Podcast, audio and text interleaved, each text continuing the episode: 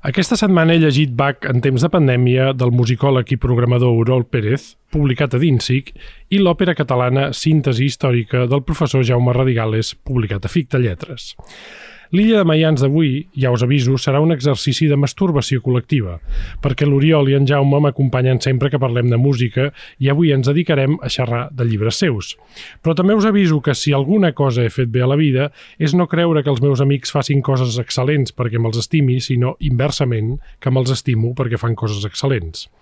Perquè així cal qualificar el camí personal, intimíssim i intransferible que l'Oriol ha fet de la mà de Bach i de les seves cantates per descriure el seu esperit i la supervivència col·lectiva en temps distòpics i pandèmics, i així també el volum imprescindible que ha escrit en Jaume sobre l'òpera catalana, un llibre que haurien de llegir tots els malòmens del país, encara que fos per posar entre parèntesi la creença falsa segons la qual a casa nostra no tenim patrimoni operístic de qualitat. I també, afegeixo, haurien de repassar la majoria de directors artístics dels equipaments públics catalans, que comparteixen el mateix prejudici que és tan fraudulent com injust. Aquesta setmana, sí, he llegit els llibres d'en Jaume i l'Oriol, però no ho he fet sol. Els autors, faltaria més, també se'ls han llegit. This is my island in the sun Where my people have toiled since time begun I may sail on many a sea. Her shores will always be home to me. Oh, island in the sun, built to me by my father's hand. All my days I will sing in praise of your forest waters, your shining sun.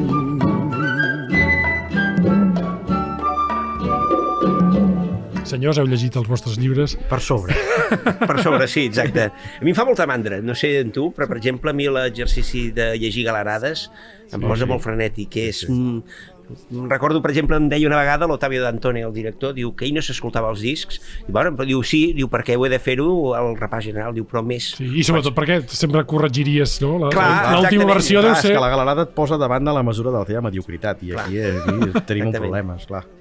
Doncs després d'aquesta captatio començarem els, els massatges. No, parlant seriosament, començarem parlant del llibre de, de l'Oriol. Clar, el primer que em va sobtar, Oriol, t'ho haig de dir, és aquesta portada meravellosa. Aquesta fotografia ho descriurem És- pels és nostres orients és perquè èpica, és és èpica. pràcticament un quadre romàntic del poeta Aquesta- mirant el paisatge Aquesta foto té truco. que és una foto magnífica. Té truco perquè- La descric, eh? perquè els nostres oients no, no deuen tenir el llibre, que, que se't veu d'esquenes mirant la immensitat de, de Montserrat. I aclarim que ets, que ets del Bages. Que Soc del Bages, sí, sí, soc de Manresa, sí, sí. No, bàsicament això és obra d'una persona doncs, que diria que no és únicament doncs, una persona doncs, que fa fotografies, sinó que té ànima d'artista, que va captar perfectament l'essència doncs, de, del llibre i que quan digui el cognom doncs s'entendrà perfectament. Jo diria que la Mercè Rial, germana de la Núria Rial, la soprano, doncs fotografia com canta la seva germana. Uh -huh. o sigui, és una noia que té àngel, però no només amb aquesta fotografia, sinó amb moltes, i, bueno, i, la, i el regal doncs, per amistat que em va regalar doncs, aquesta... em va dir, jo et faré la portada. I la veritat, doncs, bueno, allò que penses, i sí, sí, va ser un parell de matins en el qual, doncs, bé, em va demanar, doncs, bueno, tota una sèrie de coses, fins i tot vam escoltar música per tal de captar, doncs... eh, Vas fer un moment. posado, eh? Que un posado, sí, sí, però d'esquena, eh, d'esquena. I Sí, sí. cas. Exacte. És una foto molt bonica d'un llibre molt, molt interessant. Uh, expliquem el, aquest títol tan curiós, el Bach en temps de pandèmia, perquè no és només que hagis volgut que també uh, recopilar i, uh, i escriure sobre les cantates de Bach o algunes de les cantates de Bach, sinó que ho fas en un moment molt determinat. Sí. Uh, Explica'ns-ho. És a dir, a veure, el, el Nadal que, del, de la, que estem en pandèmia, personalment m'arriba un dels pitjors Nadals que recordi per motius que ara no venen al cas, tots tenim les nostres coses, cadascú se sap lo seu, com deia uh, Espriu, no? Cadascú se sap lo seu. I en tot cas és el moment que dius, bueno, doncs de fer alguna cosa i sí que és veritat que hi havia un tema de que tenia ganes d'abordar, que era doncs, tot aquest corpus de cantates que sempre els baquians, els musicòlegs baquians diuen que és un eix central, uh -huh. tot i que després doncs, bueno, te n'adones de que sí, ho va ser-ho, si més no, en uns anys determinats. I em vaig doncs, posar el repte de que per cada diumenge, per cada festivitat litúrgica, doncs l'ofici d'escoltar les cantates que ens han arribat, perquè moltes es van perdre, la gestió de Wilhelm Freeman Bach va ser nefasta, -huh. i després doncs, doncs és això, és un recorregut per cadascun doncs, dels dies, ja siguin doncs, altres festes, com jo que sé, seria doncs, la festa de l'Assumpció, la festa de la Purificació, la festa del Dia de la Reforma, etc. i faig una aproximació. Com faig aquesta aproximació? Evidentment hi ha una part doncs, que sí, que diríem que podria caure dins de l'anàlisi musical bastant de, bastant de divulgació. I textual, també. Eh? Te- textual, però sobretot jo penso que les cantates em permeten per fer unes reflexions ja no tan sols dels temes que tracten doncs, uns llibrets, que alguns d'ells jo apunto la possibilitat que fossin del mateix Bach, i sembla que això doncs, és una, una teoria que sembla bastant fafaent, sinó sobretot doncs, per parlar de l'estat que jo m'atreviria a dir doncs, que és un estat de desolació col·lectiva. No? És un canvi espiritual. El que descrius que te l'hem llegit en, en moltes reflexions que fas als, als articles, és a dir, no és una cosa nova. No, no, no, en absolut. És que, clar, Bach estava absolutament convençut de que l'obra musical era una forma de tensar-se doncs, a la realitat divina, a la realitat de Déu. I, per tant, doncs, era doncs, una mica doncs, de posar en confluència doncs, això. És a dir, jo com a receptor doncs, d'aquest corpus. Fes, doncs, clar, el fet de que va ser doncs, des del Nadal del 2020 al Nadal del 2021, doncs, Fa clar, de mal recordar, encara. fa de mal recordar, sí, fa, sí, fa frapa, dolor. frapa, fa, sí, sí.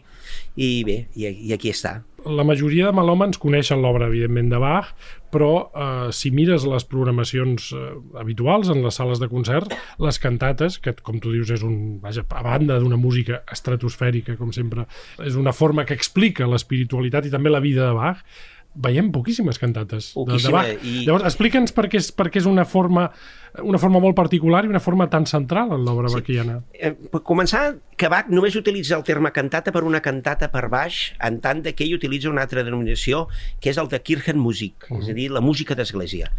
I bàsicament va molt lligat a una finalitat, a un ensbec, a una meta artística, que era doncs, la de voler fer una música per a la major glòria de Déu. I aquest era un repte que jo deixo anar la possibilitat de que va conèixer per primera vegada quan es trasllada a Lübeck, en el famós viatge que va escoltar les Abendmusik, és a dir, les músiques d'Advent, que realitza Dietrich Buxtehude. I de fet, doncs, ell allà queda totalment prendat de les possibilitats que dona doncs, la música d'església i sobretot en tant doncs, que ell era un luterà absolutament convençut. És a dir, ell va ser una persona doncs, de que la vida ho va colpejar molt aviat, eh, abans dels 10 anys era orfe.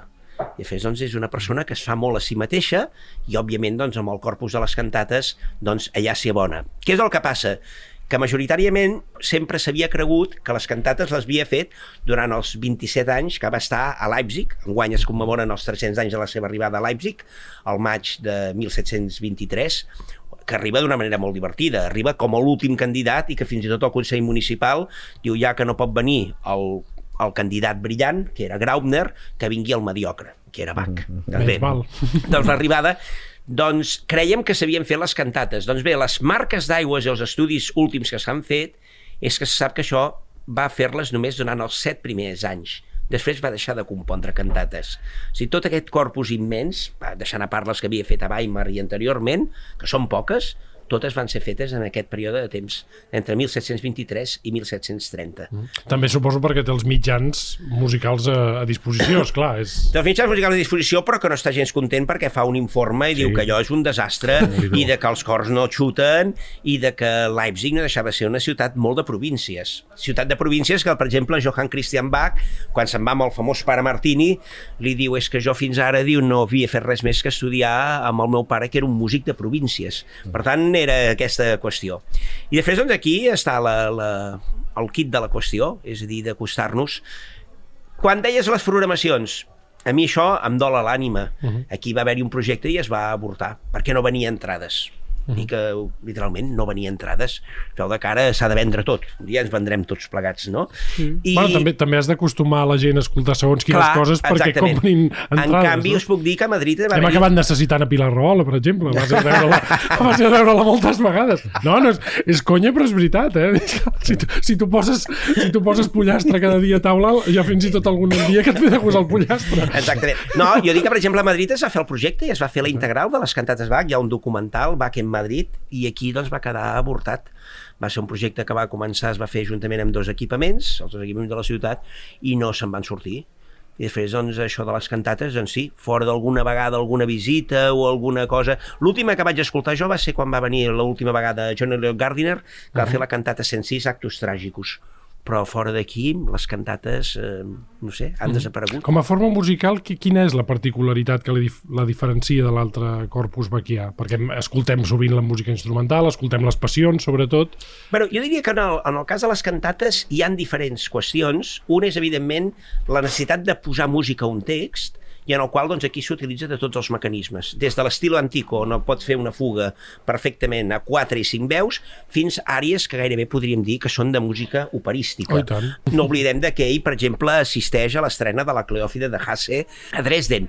Per tant, jo diria que la particularitat és una forma molt pensada, sobretot per la necessitat expressiva d'un text que va amb ressonància espiritual del que ell creu que ell està absolutament convençut doncs, de que no deixem de ser doncs, fills d'un Déu en el qual doncs, ens deixa un camí per endavant per tal de reconèixer amb ell com el gran pare que és.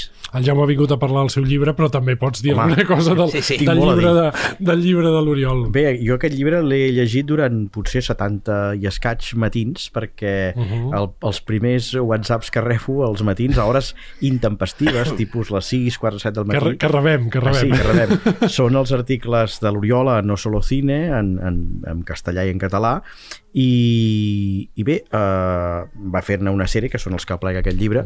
I De fet, li reclamàvem que la fes, eh? Sí, perquè, perquè sí, no sí, només això- aquests això articles, sinó Sí, altres articles seguit- sobre cultura són meravellosos. Sí, ha seguit el nostre consell. I, I una de les coses que més m'agradaven i que, clar, queden finalment plasmades en aquest llibre és que l'Oriol no fa una anàlisi musicològica, musicogràfica de la cantata, sinó que eh, va a fons en el que és el sentit de la cantata i l'espiri- la profunda espiritualitat de la, de la cantata. L'Oriol és una persona que no se n'amaga, té una profunda visió espiritual davant de, de la vida, eh, fins i tot podria dir religiosa en el sentit de religare, no? de, de lligar l'immanent i el transcendent, i té una perspectiva de les coses, que passa evidentment per la música, que a mi em sembla molt estimulant. I llegir els seus eh, articles eh, que fan referència sempre a aspectes, a circumstàncies que poden ser des de fets d'actualitat fins a la lectura que ha fet d'un text del del Byung-Chul Han o de qui sigui, està molt bé perquè això eh, fa que aterri finalment en l'objectiu és comentar aquesta cantata i ho fa sense estridències i ho fa sense pedanteria perquè respon al seu al, al, al, aquesta olla a, a pressió que és l'Oriol i que bull de- de- de- d'intuïcions, de, de, pensaments i de genialitats i que finalment plasma en obres com aquesta. És ben sabut també que, que Oriol l'Oriol té una relació molt especial amb, amb la música de, de Bach i que demostra aquí conèixer-la molt bé. No? I en aquest sentit la- la- l'aliança la, entre el que seria el comentari sobre una peça musical però vinculada, lligada a fets d'actualitat i a més a més en aquests temps tan distòpics que malauradament hem hagut de viure durant tant de temps doncs fa que la lectura sigui molt suculenta. Jo en aquest sentit celebro que, que d'Insic eh, l'editi. Eh, hem comentat en, aquest, en aquesta música de Mayans algun altre, en altre, un altre programa el, el llibre de Miquel Desclot, l'edat d'or de, de la música.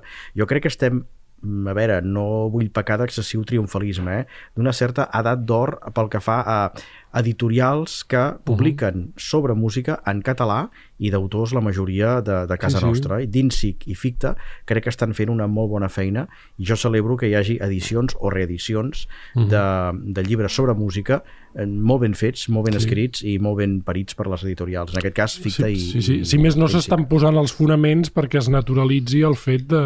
consta. Vaja, com, que, com fem aquí, que, que llegir un llibre sobre música en català és necessari perquè eh, informa més els nostres melòmens, mm. ajuda també els nostres acadèmics, ens fa ser a tots plegats més desvetllats i a més a més que són llibres de literatura. Uh, el llibre de l'Oriol jo crec que és important perquè no només parla de Bach, sinó que parles de Bach a través dels nostres temps. Per això mm. aquest present és tan particular, no? Mm. Aquest és un llibre de consol, perquè en, els, en el fons busques consol Sí, per la música bàsicament era això que una vegada doncs, allò que diu malament viu qui té el pensament per enemic, ja, que alguna vegada cites a Marc, no? Clar, una manera de exorcitzar o de territorialitzar aquest mal, aquest malviure, que em sembla que aquest malviure no és que sigui una singularitat meva, em sembla que és bastant eh, comú, malauradament. Sí. I te n'adones doncs, que dius caramba, un cop acabes d'escoltar una cantata de Bach, tu no que estàs igual que com havies entrat. Mm. I si això més ho fas mirant el text, el que es diu, etc etc, no només et, mm. et pots traslladar a aquell lapsi que això que dius tantes vegades, no? vendes el poc patrimoni parlar en un moment determinat. Home, jo anar al que devia ser tant a la Nicolai Kirche o com a la, a l'església de Sant Tomàs a Leipzig, que allò devia ser una, una festa tremenda, no?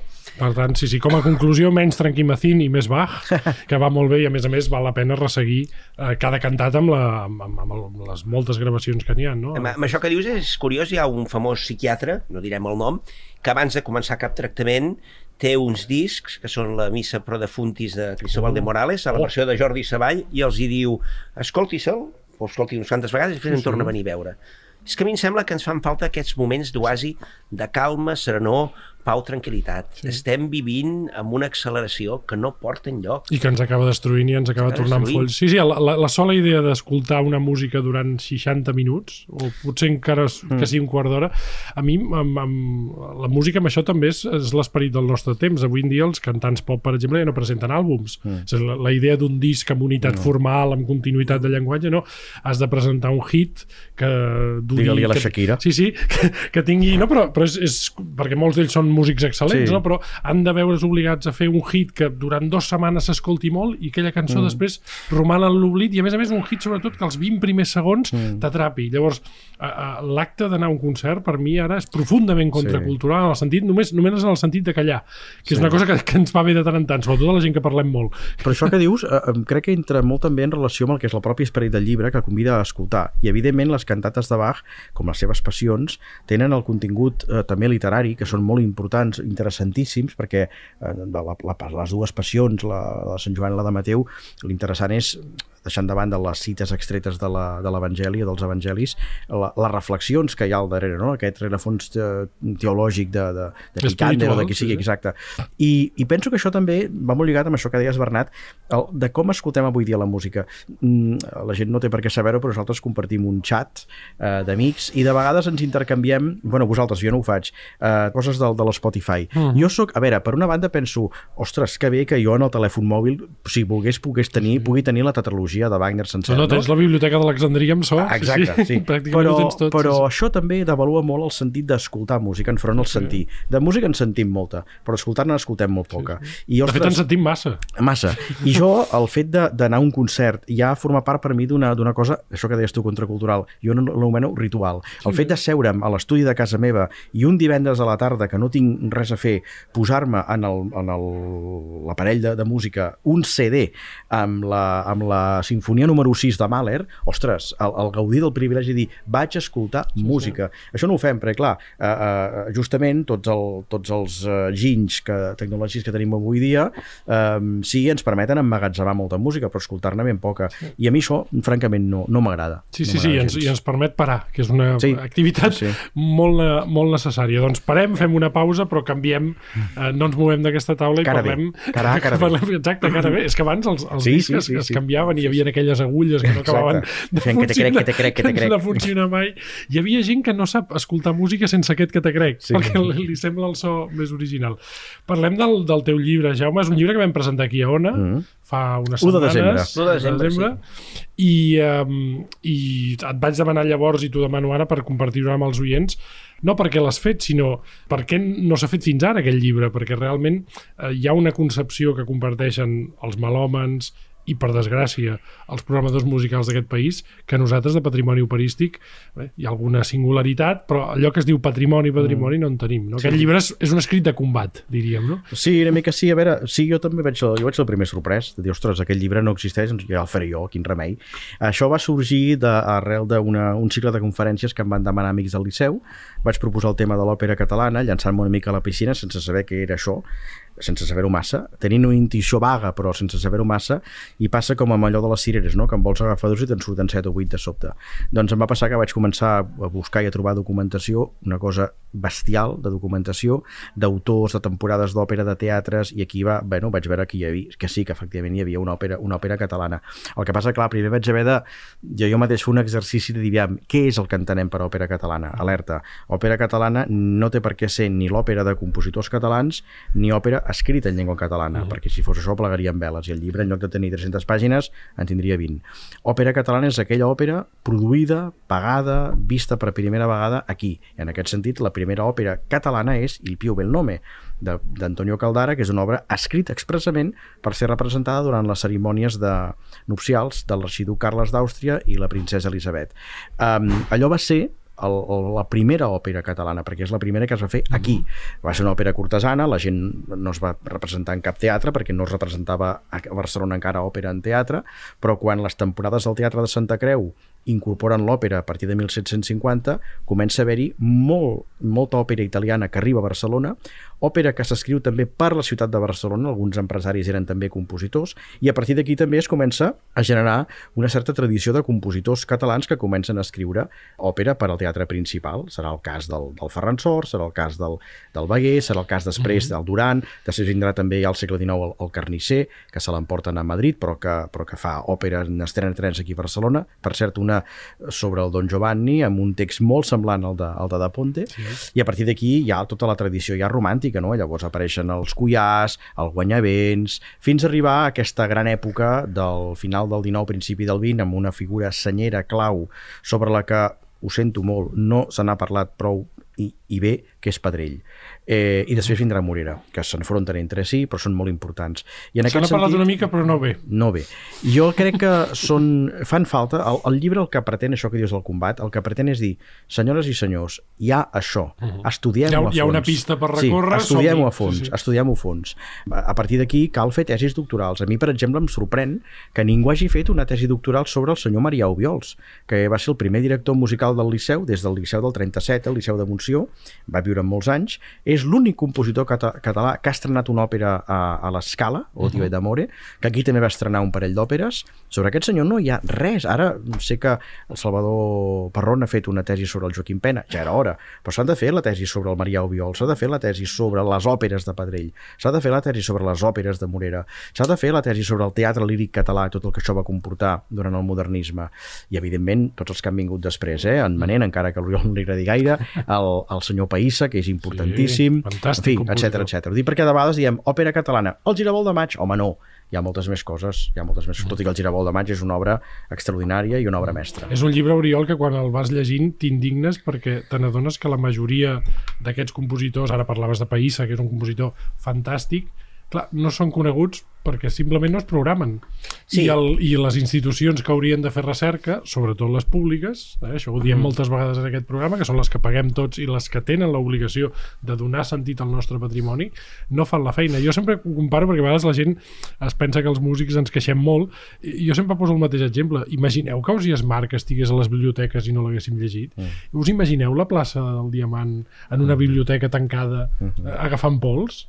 És exactament el que està passant amb el nostre patrimoni. No? Sí, aquí veritablement jo quan, eh, bueno, quan llegeixo coses de patrimoni no puc deixar de pensar doncs, com una altra vida havia desenvolupat algun càrrec que ara, doncs, bueno, no sé si el qui desenvolupa aquest càrrec se'n pot dir que és responsable d'aquest càrrec, en tot cas ocupa una cadira i com si no ocupés, perquè no passa absolutament res.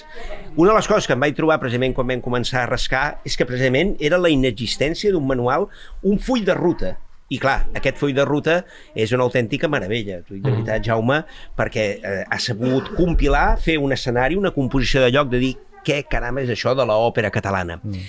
Evidentment, amb tot això, el que tu dius, el gran problema és que, a diferència del llibre de Bach o el llibre del Miquel que comentàvem fa uns dies, mm -hmm. tenim la possibilitat d'escoltar-ho, aquí són... ja hi ha alguna cosa i ho has posat, però no són tantes, és a dir, jo que sé, la, la, la Bedovela del... Domínguez. Mm, on la podem escoltar?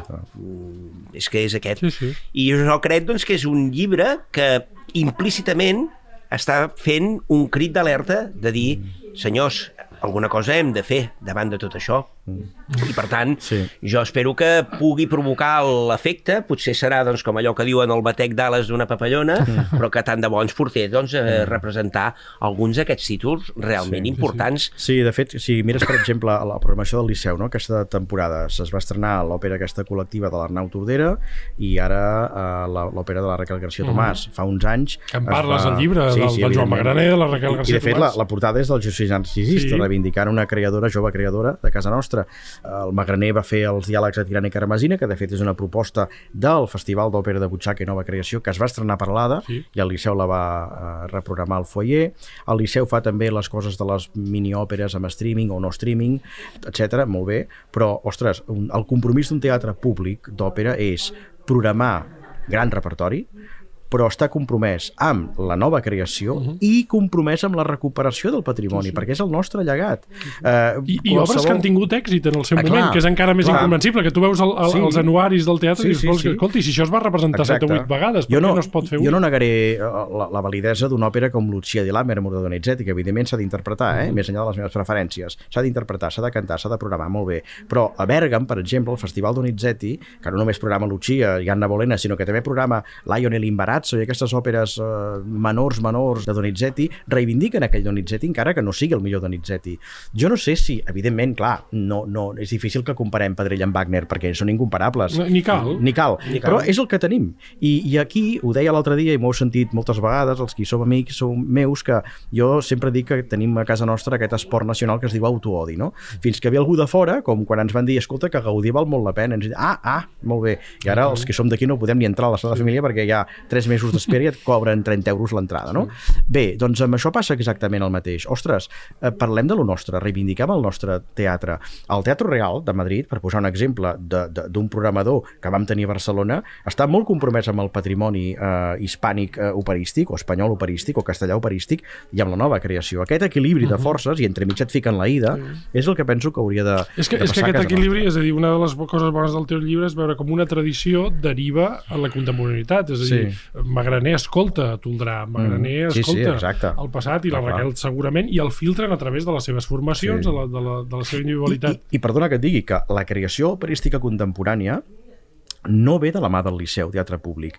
Tot aquest estol de grans compositors de que tenim... MUC, sí, sí. No, de les MUC i de, atenció, de, de, d'això que deia de l'òpera de Butxaca i Nova Creació, sí. amb el senyor Dietrich Rosse, una cosa que comença amb les temporades d'òpera de Butxaca al Teatre Malic l'any amb, 93, molt, amb molt menys pressupost, aclarim pel, pels, pels malòmens que I ens atenció, escoltin. Eh? I obres que després han, han sortit a l'estranger, perquè s'han estrenat a França, Sí. sí. Alemanya, Àustria...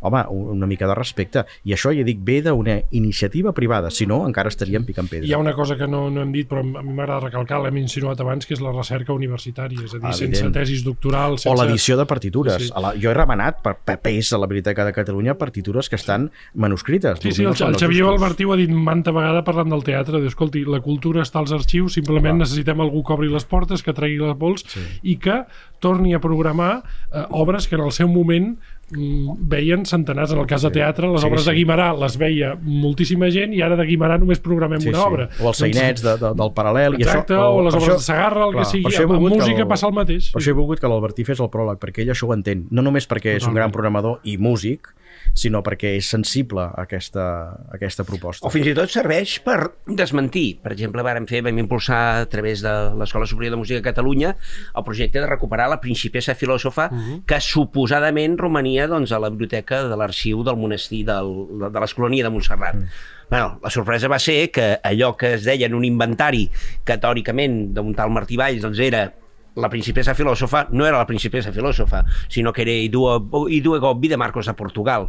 Doncs bé, això va ser una de les poques recuperacions que va fer el Liceu, però era una iniciativa que va fer l'Escola Superior de Música de Catalunya. Clar, i aquí ja penso implícitament una reflexió a fer, és a dir, sense aquí ara menys tenir doncs, aquests dies que estem veient doncs, el, el Macbeth amb aquesta gran representació, doncs el Jaume Plensa, home, doncs, i saps els costos que ha valgut, mm -hmm té sentit que ens gastem aquests diners per un plensa, dos milions d'euros, i en canvi no hi hagi cap atenció al nostre patrimoni i continuem així, és inaudit. Uh -huh. I per tant, el que tu dius, l'autoodi, i després jo el que deia el mal guanyat Ernest Lluc, i ho dic més una vegada, som un país molt nacionalista, però no som patriota, uh -huh. i després no ens creiem lo nostre. Uh -huh. I vaja, el que venen ganes és, evidentment, doncs, de poder conèixer encara més. Només hi ha un, un pro som, que... Som més de Francesc Macià que de Prat de la Riba. Sí. Exactament. A mi m'agradaria, com a l'Ernest, que siguéssim una mica més de Prat de la Riba. Sí. Només una cosa que, que m'ha sobtat, però que, bueno, que això amb la nova... De vegades quan es fa la història de l'òpera es fan una mica els, la, la gènesi de com va desembocar i, per exemple, doncs, que no haguessis pogut parlar una mica més, més per exemple, de, de tota la qüestió del madrigal mm. que s'hi fet des dels països catalans, sí. de Joan Brudieu, de tot el que és eh, doncs, Fletxa, mm. Càrceres... Bueno, que la també, segona edició. La segona edició. Ah, sí, sí, sí, podria ser una... Aquesta, sí, perquè sí. dius, és que aquí ja també ja, ja escollia alguna cosa, no? Mm. I no ho sé... Mm, hi ha molta feina a fer. Hi ha molta feina. Hi ha molta feina a fer, però aquests dos llibres, com us deia, són, són principis i lluem novament, perquè sempre ho fem eh, quan parlem de música a Dinsic i a Ficta per, per anar publicant coses. Eh, sabem que no és fàcil, però algú havia de fer el primer pas i a partir d'aquí ja veureu, amb paciència, com deia la gent de la comunitat, de la mancomunitat, primer l'estructura i després els resultats. Uh, senyors, moltes gràcies i felicitats. Gràcies. gràcies. Música